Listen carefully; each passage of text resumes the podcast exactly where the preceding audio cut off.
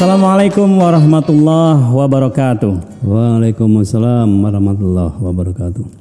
Selamat pagi, salam sejahtera untuk kita semua, eh, sahabat Alsen semua di mana pun anda berada, para orang tua murid, bapak dan ibu guru, serta yang paling utama adalah seluruh murid SMP Islam Al Azhar 22 Sentra Primer, kelas 7, kelas 8 dan kelas 9. Hari ini eh, akan menjadi hari yang sangat spesial buat kita karena eh, kemarin pada tanggal 22 Oktober berbarengan dengan pengumuman atau perayaan bulan bahasa di sekolah kita, kita sudah meresmikan ruangan baru kita yang ada di SMP kita, yaitu ruang siniar Alsen. Dan hari ini adalah episode pertama dari uh, podcast kita yaitu siniar Alsen. Dan hari ini saya sudah bersama dengan kepala sekolah kita. Siapa lagi kalau bukan Bapak Haji Sutarno MPD. Assalamualaikum Pak Haji. Waalaikumsalam Pak Fauzi. Gimana? Sehat Pak Fauzi? Alhamdulillahirobbilalamin. Alhamdulillah. Gimana Pak Haji? Uh, kesan pertamanya berada di ruang podcast. Gimana Pak Haji? Uh, kesan saya luar biasa karena kebetulan dunia-dunia begini ini sebenarnya saya suka Pak Fauzi karena walaupun saya bekerja saya matematika ya. Mm-hmm. Uh, kayak begini saya suka makanya saya respon langsung kalau waktu Bapak menyampaikan usulan itu di samping uh, itu kan juga sangat bermanfaat buat anak kita ke depan mm-hmm. karena anak kita itu harus kita ajari bagaimana berretorika yang baik waktu betul, betul. saya sekolah dulu itu guru bahasa Indonesia saya selalu retorika retorika begitu kan ternyata retorika itu penting gitu ya yeah. setelah saya lulus SMA apalagi ke perguruan tinggi itu sangat luar biasa dibutuhkan jadi gitu. memang uh, salah satu tujuan uh, saya mengusulkan untuk membuat ruangan ini fasilitas buat senior Alsen ini pertama memang hmm Uh, awalnya kita sudah pernah bikin sinar alsen, tapi secara virtual. Uh, eng, pinginnya sih ke depannya nih nanti bukan saya, bukan Pak Tarno yang bicara di sini, tapi nanti di sini ada anak murid, yeah. di depannya juga ada anak murid. Betul. Atau bahkan nanti di depannya ini adalah orang-orang besar yang diwawancarai oleh anak-anak murid kita. Alsen. Ya, betul. Betul. Itu, itu uh, bisa bisa menjadi goal kita ya Pak Haji ya sangat, untuk sangat apa tepat namanya? Pak. Eh, impian kita seperti itu. Melatih keterampilan berbicara untuk anak-anak itu iya, pastinya ya. Iya. Oke Pak Ji, hmm. uh, mungkin di episode pertama ini saya ingin uh, sedikit menyelami hal-hal yang mungkin anak-anak kita itu belum tahu tentang Pak Haji. Hmm. Jadi uh, pengennya nanti Pak Haji bisa berbagi story, berbagi kisah gitu. Apa aja sih yang sudah Pak Haji Sutarno ini lewatin selama kurang lebih sudah berapa lama Pak Haji menjadi guru mohon maaf? Kalau jadi guru hampir 30 tahun ya. Kalau hampir 30 tahun. Jadi guru Al Azhar uh -huh. kalau nggak salah hitung tahun ini adalah tahun ke-21. 21 tuh yeah. coba bayangkan. Berarti yeah. kalau 30 tahun menjadi guru eh ngajarnya pertama tahun berapa Pak Haji?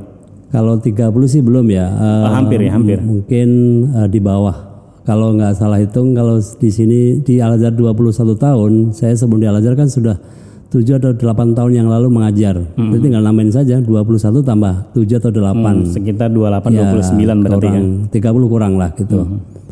Ya cukup uh, banyak lah ya pengalaman. Ini pengalaman mengajar atau pengalaman yang pengalaman uh, selama Pak Haji jadi pertama kan berarti berarti jadi guru dulu. Iya betul. Kemudian uh, berarti nggak langsung al Azhar Pak Haji ya? Nggak. Nggak langsung al Azhar di hmm. di Jakarta tapi ya? Iya di, di Jakarta. Di Jakarta juga. Saya mulai jadi guru ya di Jakarta karena kelahiran di kampung itu lulusan kampung itu agak susah ya untuk uh, langsung eksis menjadi guru perlu proses dan prosesnya hmm. pasti lama gitu ya, ya. sehingga saya sebagai anak muda harus tadi berkreasi atau kreativitas bagaimana ya kita kalau bahasa orang kampung yang ke Jakarta merantau hmm. dengan modal saya punya kemampuan punya ijazah uh, kuliah. Hmm. Kalau waktu itu belum S1 Pak Baji. Oh, apa namanya Pak? Ya, D3, diploma oh, D3. 3. Hmm dengan modal di Tiga yang sudah uh, diberikan oleh kedua orang tua saya tentunya. eh, walaupun diplomatika kalau tidak ada kedua orang tua kan nggak mungkin bisa ya Pak Uji ya. Iya, benar, Nah, itu harus selalu kita ingat betul karena peran orang tua itu sangat luar biasa. Gitu. Jadi saya selalu ingat betul dari modal D3 saya harus eh, memulai lagi melanjutkan ke S1 dan seterusnya. Walaupun sampai hari ini baru mentok S2 ya. Baru S2. Tapi itu udah luar biasa Pak Haji. Iya. Eh, jadi di di saat ini sudah di S2, MPD, kemudian jadi kepala sekolah Al Azhar. Eh, sebelumnya juga jadi wakil berapa tahun Pak Haji jadi wakil? dari wakil em, empat tahun lebih karena kan ada ada lebih ya. Hmm. ada uji coba uji coba kalau di Al kan ada uji coba setelah itu eh, resmi di SKK menjadi wakil kepala sekolah satu periode kan empat tahun pas Hmm. tahun terakhir periode wakil kepala sekolah eh, dipanggil eh, ke yayasan waktu itu di Al Azhar Cibubur katanya saya akan dipindahkan ke Al Azhar Sentra Primer gitu Dan Ah. sekarang sudah Iya. menjadi kepala SMP Islam Al Azhar 22 sentra primer. Oke Pak Alhamdulillah. Dari eh, 28 sampai 29 tahun mengajar. Hmm. Pertama saya ingin bertanya, kira-kira eh, titik paling sedih gitu ya Pak Haji ya. Kita coba, saya pengen pengen coba tahu titik paling Hmm. sedih eh, Pak Haji ini dalam bekerja sebagai seorang guru tuh kira-kira pada saat apa tuh Pak Haji? apa ya kalau paling sedih seingat saya saya tuh tidak pernah bersedih menjadi guru Pak Fauzi Hmm. Alhamdulillah jujur saya tidak pernah bersedih atau tidak mera- pernah merasa bersedih selama jadi guru. Walaupun eh, keluh kesah jadi guru pasti ada ya. Apalagi dulu tahun 90-an tepatnya saya sebelum tahun 92 itu sudah mengajar di Jakarta. Jadi ceritanya gini Eh, saya resmi menjadi guru di sebuah sekolah itu tahun 1992. 92. Iya, sebelum saya, saya belum lahir tuh. sebelumnya saya sudah di Jakarta, cuman belum belum resmi jadi guru di sekolahan. Masih Eh, mengajar eh, di bimbingan gitu ya? belajar, di bimbingan, Di bimbingan belajar. belajar. Iya, di bimbingan belajar. Saya kurang puas ya kar- karena eh, belum menjadi guru yang yang sebenarnya menurut perasaan saya gitu. Karena masih dalam rang, eh, bimbel gitu Iya ya. di bimbel, walaupun di bimbel tahun sebelum tahun 92 itu ya ya mohon maaf ya eh, yang saya terima cukup menjanjikan untuk kehidupan. Pada saat di tahun Saat 9, itu. 92 itu ya. Ya begitu saya mendapatkan sekolahan ya jauh apa itu kesejahteraan yang saya terima Justru lebih tinggi atau lebih rendah lebih rendah.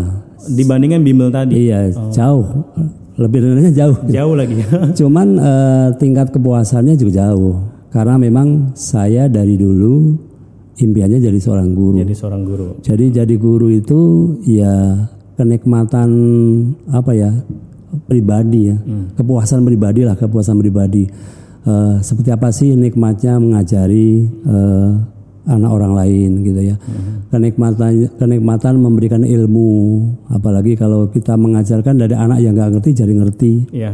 Apalagi kalau ada anak yang berhasil karena Nah, begitu. Saya juga pernah waktu jauh sebelum di Al Azhar itu, ini kan eh, berbagi cerita ya. iya ah, nggak apa-apa. Eh, pernah saya mengajar di sebuah madrasah Hmm. dan madrasah itu ya kalau di kalau seka- sekarang ya mungkin jauh lah dibanding dengan Al Azhar gitu. Tapi mereka sangat fokus eh, dalam eh, ilmu keagamaan ya memang namanya juga madrasah. Saya berpikir eh, kalau anak-anak ini bisa kita dorong untuk masuk ke perguruan tinggi negeri, UI, UGM dan sebagainya, kayaknya sih alangkah hebatnya mereka sisi agama luar biasa. Terbukti mereka se- selama saya di sekolah itu itu kalau masuk ke IAIN Jakarta itu IAIN IAIN. Sarif Hidayatullah ya. Syarif UIN sekarang Uh, UIN, namanya. ya UIN. Itu bukan satu dua, uh, hampir semua masuk. Dari sekolah itu, Prosentasi ya bisa, itu ya? bisa 70 sampai 90 persen masuk. Karena kalau saya ada kegiatan waktu ngajar di sana itu hampir semua murid saya ketemu di situ gitu. Hmm. Berbagai macam angkatan. Artinya masuk ke situ tidak ada masalah. Memang uh, dari sisi keilmuan agamanya luar biasa. Tapi saya sebagai anak muda waktu itu berpikir gimana caranya supaya anak-anak ini bisa ada yang masuk ke perguruan tinggi negeri. Karena mereka punya ilmu agama yang kuat. Berarti itu dari aliyah berarti. Ya di Aliyah. Saya saya kasih tahu anak-anak, kamu mau nggak masuk ke UI, UGM? Oh mau lah pak. Caranya gimana? anak-anak. Caranya adalah minimal kamu punya semangat. Yang kedua, kamu harus eh, belajar eh, dengan waktu khusus. Ya, singkat cerita kamu harus eh, ikut Pak Tarno belajar khusus hari Minggu. Jadi setengah tujuh mulai. Ada Sam- tambahan berarti ininya ya. Ya, eh, itu dalam waktu ya, belajarnya itu ide-ide saya pribadi Pak Fauzi Bu. nggak ada SK dari kepala sekolah atau apa nggak ada hanya ide ya. pribadi. Inisiatif pribadi. Iya, anak-anak mau, tapi eh, syaratnya setengah tujuh udah mulai.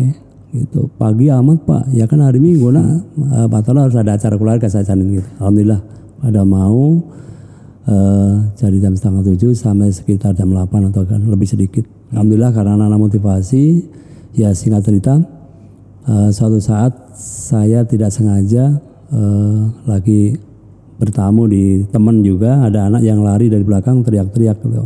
manggil saya Pak Tarno, Pak Tarno, saya diterima di UNUSUD Pak Universitas Jenderal Sudirman ya Purwokerto Alhamdulillah saya bilang gitu. Itu rasa Wah, bangganya luar biasa. pasti. Saya bilang langsung, nah bener kan anak Aliyah bisa masuk perguruan tinggi negeri ya. Bisa jadi teman-teman kamu yang lain ah, ada itu, cuman Pak Tarno nggak dengar, belum dengar gitu. Terbukti, artinya eh, kita sebagai guru harus punya motivasi yang tinggi. tinggi pak gitu tidak hanya sekedar ng- ngikuti eh, mohon maaf ya arahan dari sekolah misalkan ya, sekedar mengajar sesuai dengan jadwal gitu ya. Walaupun itu juga juga sudah bagus tapi alangkah bagusnya ada hal-hal yang yang ada dari kita yang apa ya yang lebih lah gitu perhatian lebih lah gitu ya. Terbukti ya, seperti itu saya sudah pernah mengalami. Banyak hal sih karena saya juga alhamdulillah juga cukup lama mengajar. Banyak pengalaman-pengalaman yang memang itu menjadi hiburan buat pribadi saya sendiri. Pelajaran juga. pelajaran juga. Dan ya mudah-mudahan semuanya kalau saya selalu berharap Allah mengikhlaskan. Amin. kalau kalau saya ikhlaskan insya Allah itu juga menjadi tabungan amal ya kata Pak Guru Agama seperti itu. Saya hanya berharap sampai sekarang pun juga sama Pak Boji. Saya selalu di mana pun saya mengabdi. Kan sekarang udah sekian puluh tahun yang lalu di Al Azhar saya hanya berdoa semoga apa yang saya lakukan di Al Azhar itu diikhlaskan oleh Allah perkara orang lain menilai ini itu ya monggo saja Jadi tabungan pahala Betul. gitu Pak Haji. ya. Saya hanya berharap Allah aja yang yang maha mengetahui, terutama mengikhlaskan. Ya namanya manusia kan kadang-kala ada seninya ngedumel itu biasa ya. ya Iya, saya iya, pun juga kadang-kadang mengedumel ngeluh itu ya. Itu manusiawi lah. Tapi kita harus selalu berupaya berdoa terutama ya supaya apa yang kita lakukan itu selalu diikhlaskan oleh Allah. Supaya ber apa ya berbuah pahala atau atau fadilah yang kita kita harapkan bersama. Oke Pak Haji. Itu eh, dari pengalaman mengajar mungkin ya. Eh, saya sekarang mau tanya ke kenapa ketika sudah tujuh tahun ya sekitar tujuh tahun atau 8 tahun tadi mengajar di luar Al Azhar, kenapa kemudian Pak Haji memutuskan untuk masuk ke Al Azhar menjadi seorang guru Al Azhar? Apa yang mendasari itu Pak Haji? Eh, kalau waktu itu tahun 90-an ya, eh, jujur saya memandang Yayasan Al Azhar itu eh, luar biasa. Saya luar biasanya serem lah gitu. Dari segi apa Pak Haji? Ya semua karena fasilitas tahun tahun itu aja sudah luar biasa dibanding dengan sekolah-sekolah yang saya ajar gitu loh. Itu sudah di Jakarta berarti? Sudah di Jakarta, saya udah dalam Jakarta. Saya setiap melintas di Jalan Singamangaraja itu kan dulu masih ada bis tingkat ya, Oh ya. Blok M gitu main, gitu. namanya juga anak muda main. Eh, luar biasa lihat Masjid Agung, Subhanallah. Eh, saya ber- berpikir mungkinkah saya suatu saat ngajar di sini? Terus dalam hati saya juga saja nggak mungkin, tidak mungkin karena background saya hanya lulusan ikip dari daerah. Hmm, Itu pun juga belum S1. Masih D3 ya? Ya, terus yang kedua eh, dalam cerita dari cerita teman-teman mengajar saya, masuk Al Azhar itu harus pinter bahasa Arab, Oh iya, karena pinter, asis dari iya, sisi agamanya Pak Haji. pinter eh, bahasa Inggris, pinter agama dan baca Quran pasti lah gitu ya. Kalau baca Quran sih Insya Allah saya eh, jelek-jelek ini juga lulusan aliyah juga tadi nggak ada masalah kalau tes agama gitu ya. Iya iya iya. Tapi hal-hal yang lain yang itu membuat saya nggak mungkin lah gitu. Berarti dari awal sebelum masuk Al Azhar tuh udah merasa insecure diri sama diri sendiri gitu ya, merasa nggak Iya. pede dan Iya, lain-lain nggak- gitu Pak Haji. ya. ya. Tapi kemudian kenapa saya bisa di Al Azhar sampai sekarang itu ceritanya dari Madrasah Aliyah tadi. Saya kan juga ngajar di SMA Muhammadiyah 3 di Limo, Kebayoran Baru. Ah, Kan tetanggaan dengan Al iya, Azhar. ah. Eh, karena saya ngajar SMA, berarti kalau lagi ada ujian nasional atau ujian semester lah gitu ya, mulai di semester itu kan kenal dengan Pak Taufik Hidayat yang beliau sekarang jadi eh, apa itu bendahara, Bendahara. Bu Nur Hayati yang beliau sekarang udah pensiun, guru-guru matematika lama. Eh, berkumpul di SMA Negeri 6 membahas soal yang MGMP berarti Pak Haji ya. Iya, kayak gitu membahas soal gitu. Lama-lama kenal dan sebagainya. Terus eh, lama-lama saya juga ditugaskan ngawas ujian nasional di Al Azhar. Oh, jadi mengawas dulu. Iya mengawas, Merasakan ya, suasana melihat Al Azharnya gitu ya. Saya lihat eh, di ruang guru tuh, subhanallah pagi-pagi guru pada duha gitu ya. Hmm. Walaupun di Muhammadiyah juga sudah, Iya. sudah seperti itu. Eh, saya dengar juga cerita dari waktu itu eh, ada kelas wakil kelas waktu itu almarhum Pak Awardi Isman itu Hmm. beliau orangnya eh, sangat energik lah gitu menceritakan gini-gini. Jadi di, di Al Azhar itu ada apa mabit bersama, tahajud bersama. Nah itu di sekolah saya belum ada, luar biasa ini. Eh, saya semakin ini ya, semakin punya keinginan Makin untuk termotivasi iya, untuk masuk Al Azhar ya. Ya ini berarti sesuai dengan impian saya karena saya dari daerah ke Jakarta itu saya tidak ingin ya mohon maaf menjadi guru PNS. Saya ingin masuk sekolah Islam. Kenapa? Karena saya ingin melindungi diri saya juga Pak Boji. Karena di Jakarta kota besar begini, kalau kita tidak mencari perlindungan diri, eh, bisa jadi kebablasan. Apalagi anak Dari muda. sisi keagamaan Iya betul. ya. Saya anak muda dan di Jakarta juga saya tidak punya saudara, gitu ya. Eh, punya sih kakak hanya satu-satunya kan ya mereka kan juga sibuk sendiri Iya, nggak mungkin akan mengawasi saya karena saya udah eh, Sudah dewasa sudah juga. dewasa juga. Jadi saya harus mencari sendiri. Alternatifnya adalah saya harus mencari sekolah yang kalau bahasa saya bernafaskan Islam. Hmm. Madrasah Aliyah, terus Muhammadiyah, terus lama-lama di Al Azhar. Insya Allah di Al Azhar juga kemungkinan banyak inovasi-inovasi yang lain. Berarti setelah itu memutuskan untuk melamar ke Al Azhar, naruh lamaran gitu Pak Haji ya. Iya nol lamaran. Alhamdulillah karena mungkin ya karena eh, apa itu bioda apa namanya kalau ngelamar itu? Lada- surat lamarannya Ya, gitu kan ada ada ada daftar wajib itu zaman dulu kan tulis gitu, gitu, kan. Oh, Mungkin masih ditulis tangan zaman masih dulu ya. tulis tangan pak masih tulis. Saya waktu itu uh, uh, jadi wali kelas di sekolah luar Al Azhar tuh legernya masih itu masih tulis tangan terus dilipat-lipat tuh digandeng-gandeng gitu. Iya, iya, iya, Kalau sekarang masih luar biasa. Jadi ya alhamdulillah saya itu perkembangan eh, teknologi pendidikan itu cukup cukup lengkap ya Hmm. dari leger hanya ditekuk-tekuk gitu kan, sampai sekarang Sampai sekarang serba canggih dan ya. jujur saya juga dari mulai mencet eh, power komputer itu belum bisa sekarang juga alhamdulillah sudah bisa mencet tab gitu. Kan Iya, jadi perkembangannya perjalanannya cukup cukup luar biasa. Alhamdulillah. Jadi saya eh, banyaklah eh, kalau kerennya pengalaman. Hmm. pengalaman lika-liku menjadi seorang guru gitu. Dan kalau saya boleh hitung-hitung di Yayasan Al Azhar ini adalah sekolah swasta yang ke-9 Sekolah swasta yang ke-9. ke-9 yang saya hitung. Tapi sebelumnya udah uh, ada yang negeri juga nggak Pak Haji? Enggak ada, saya swasta Oh, semua. jadi dari awal memang di swasta ya. Swasta semua dan kebanyakan swasta yang Islam. Walaupun saya pernah juga non Islam karena ada Hmm. Oh, gitu. ada tawaran dan sebagainya daripada waktunya nganggur kosong Hmm. gitu. Tapi nggak lama karena memang eh, saya kurang serak ya ternyata kalau di non Islam itu Karena Hmm. memang eh, mengajar itu ya Haji, bekerja mengajar kan bukan hanya melihat dari sisi apa yang kita dapatkan ya, betul. Tapi juga dari sisi apakah kita nyaman di situ gitu kan ya. iya Hmm, betul. ke arah sana juga. nyaman. Betul harus. Ya sebenarnya kerja apa pun sama. Iya, kalau kita merasa nyaman maka apa pun yang kita lakukan di situ itu ya santai gitu. Nggak ada Iya. beban Hmm. gitu.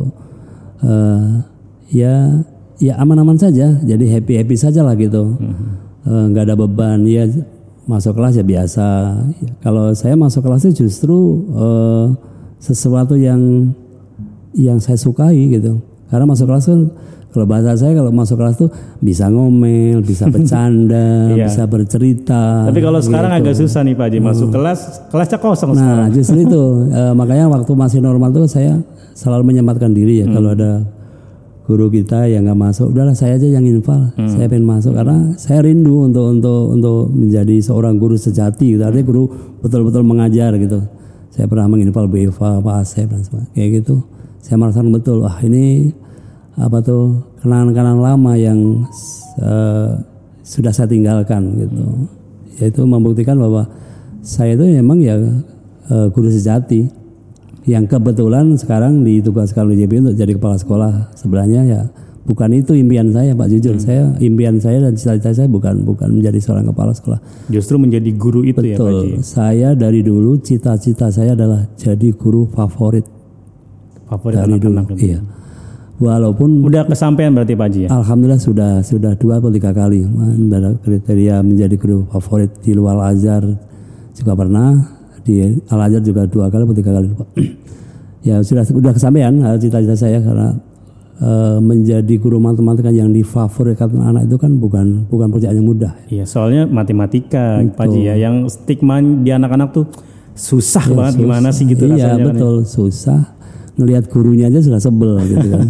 Tapi saya tidak menyerah. Hmm. Saya harus cari cara bagaimana impian saya itu terwujud. Alhamdulillah bikin bikin matematika tuh menjadi sesuatu Iya, yang menyenangkan gitu mereka Pak Haji. menyenangkan. Saya hadir, mereka tersenyum, bukan hadir. Ya, Pak Tarno. Ada rasa kekecewaan Ya, gurunya ya, datang. saya nggak ingin seperti itu. Ya, Pak Tarno. Justru kalau begitu malah di sisi gurunya juga jadi nggak enak ngajar Pak Haji kalau saya ngerasa kayak gitu ya. Misalkan kita datang terus anak-anak ya datang lagi. Iya. Itu merasa ah kok saya masuk kelas tapi tidak diinginkan gitu loh. Iya. Itu rasanya nggak enak juga kalau kayak gitu. Iya betul. Makanya kita sebagai guru harus harus harus berupaya, Pak. Pertama berupaya cari tahu ada nggak suara-suara seperti dari anak-anak kita. Kalau ada kita harus eh, cari cara bagaimana suara itu bisa kita minimalisir atau bahkan kita hilangkan. Saya waktu masih ngajar itu sering menyempatkan diri untuk membuat angket, Pak. Angket. Angket. Ya angket. Ya kalau saya simpel aja karena guru matematika. Karena ada anak eh, sering kalau saya bahasa saya bahasa canda saya waktu eh, dari Ramangun sampai Cibubur ngajar itu selalu istilah pelonga-pelongo gitu ya. kalau ngajar saya ngajar pelonga-pelongo, kebanyakan pelonga-pelongo langsung saya stop. Udah. Kamu siapin kertas. Tulis apa sih yang kamu mau? Hmm. Saya pernah kayak gitu. Apa yang kamu mau? Terus uh, saya juga pernah memberikan angket uh, temanya hanya, uh, apa kejelekan saya di mata kamu? Hmm. Karena anak-anak itu eh, kalau tidak diminta seperti itu kadang-kadang mereka tuh susah untuk berpendapat Pak Betul. karena merasa takut dan Iya, lain-lain gitu ya. betul. Saya pernah gitu. Apa kejelekan saya di mata kamu? Artinya kejelekan uh, saat mengajar gitu. Iya. Pakai nama nggak pak? Ya pakai nama boleh enggak juga bukan urusan saya. Urusan saya adalah tulisan kamu itu akan saya baca. Saya baca. Eh, ya luar biasa. Eh, apa itu eh, model-modelnya sampai eh, istri saya baca aja di rumah ketawa, ketawa mulu. gitu. Aneh-aneh ya, pendapat anak-anak itu tulisannya eh, ada yang ya namanya anak-anak ya bahasa bahasanya malah lucu gitu loh. Itu kan pertama saya sebagai evaluasi diri, yang kedua hiburan juga pak. Oh ternyata masih ada anak yang nggak bisa nerima saya. Iya. Hmm. Eh, kenapa nggak menerima saya? Ya saya harus introspeksi karena saya kan melayani mereka. Jangan sampai seperti Pak Fauzi tadi datang anak ya kan nanti nggak nyaman kan.